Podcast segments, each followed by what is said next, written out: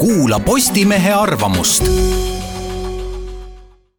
Postimehest teisel novembril kaks tuhat kaheksateist PPP tasakaalukeeled avaliku ja erasektori koostöö peaks põhimõtteliselt olema kõigiti positiivne nähtus, mõningase pateetikaga öeldes lausa ühiskonda sidustav. millegipärast kipub aga olema nii, et PPP, public-private partnership projektid kipuvad avalikkuse ette jõudes eriti tagantjärele paistma kellelegi kahtlaselt kasulikud.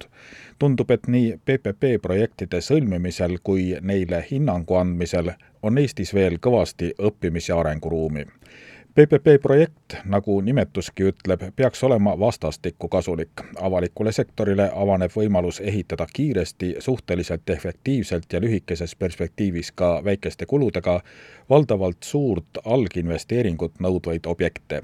erasektorile tähendab PPP vähemalt teoreetiliselt stabiilset partnerit, kindlat raha teatud perioodi ulatuses PPP projektide ajalugu on Eestis veel suhteliselt lühike, ulatudes selle sajandi algusaastatesse. erakapitali kaasamist on kasutanud üle riigi mitmed omavalitsused spordikeskuste, koolide ja paljude muude avalike objektide rajamiseks ja hilisemaks majandamiseks. üks PPP projekti peamisi küsimusi on, kas vara kajastub avaliku või erasektori üksuse bilansis, ehk siis kelle kanda jäävad riskid. kohaliku omavalitsuse laenuvõime võib olla piiratud, PPP pakub võimalust sellest mööda minna, kuid sellisel raamatupidamislikul käigul on kahtlemata oma hind. paljude muutujate juures tuleb leida tasakaal. samas võib tagantjärele olla väga keeruline hinnata, kas lepingut sõlmides talitati tingimuste puhul õigesti. lihtsalt öeldes, kas avalikkus võitis teenusest või mitte, kas raha sai õigesti kulutatud maksumuse arvutamise ja hindamisega jäävad käed lühikeseks Riigikontrollilgi. projektid on pikaajalised ning majanduskeskkond kõigi oma näitajatega, tööjõukulu, materjali hind ja nii edasi, muutub pidevalt. tänases lehes kirjeldatud riigi esimene PPP leping paistab praegu ettevõtjale lotovõiduna, kuid tuleb arvestada, et see sai alguse masu tingimustes.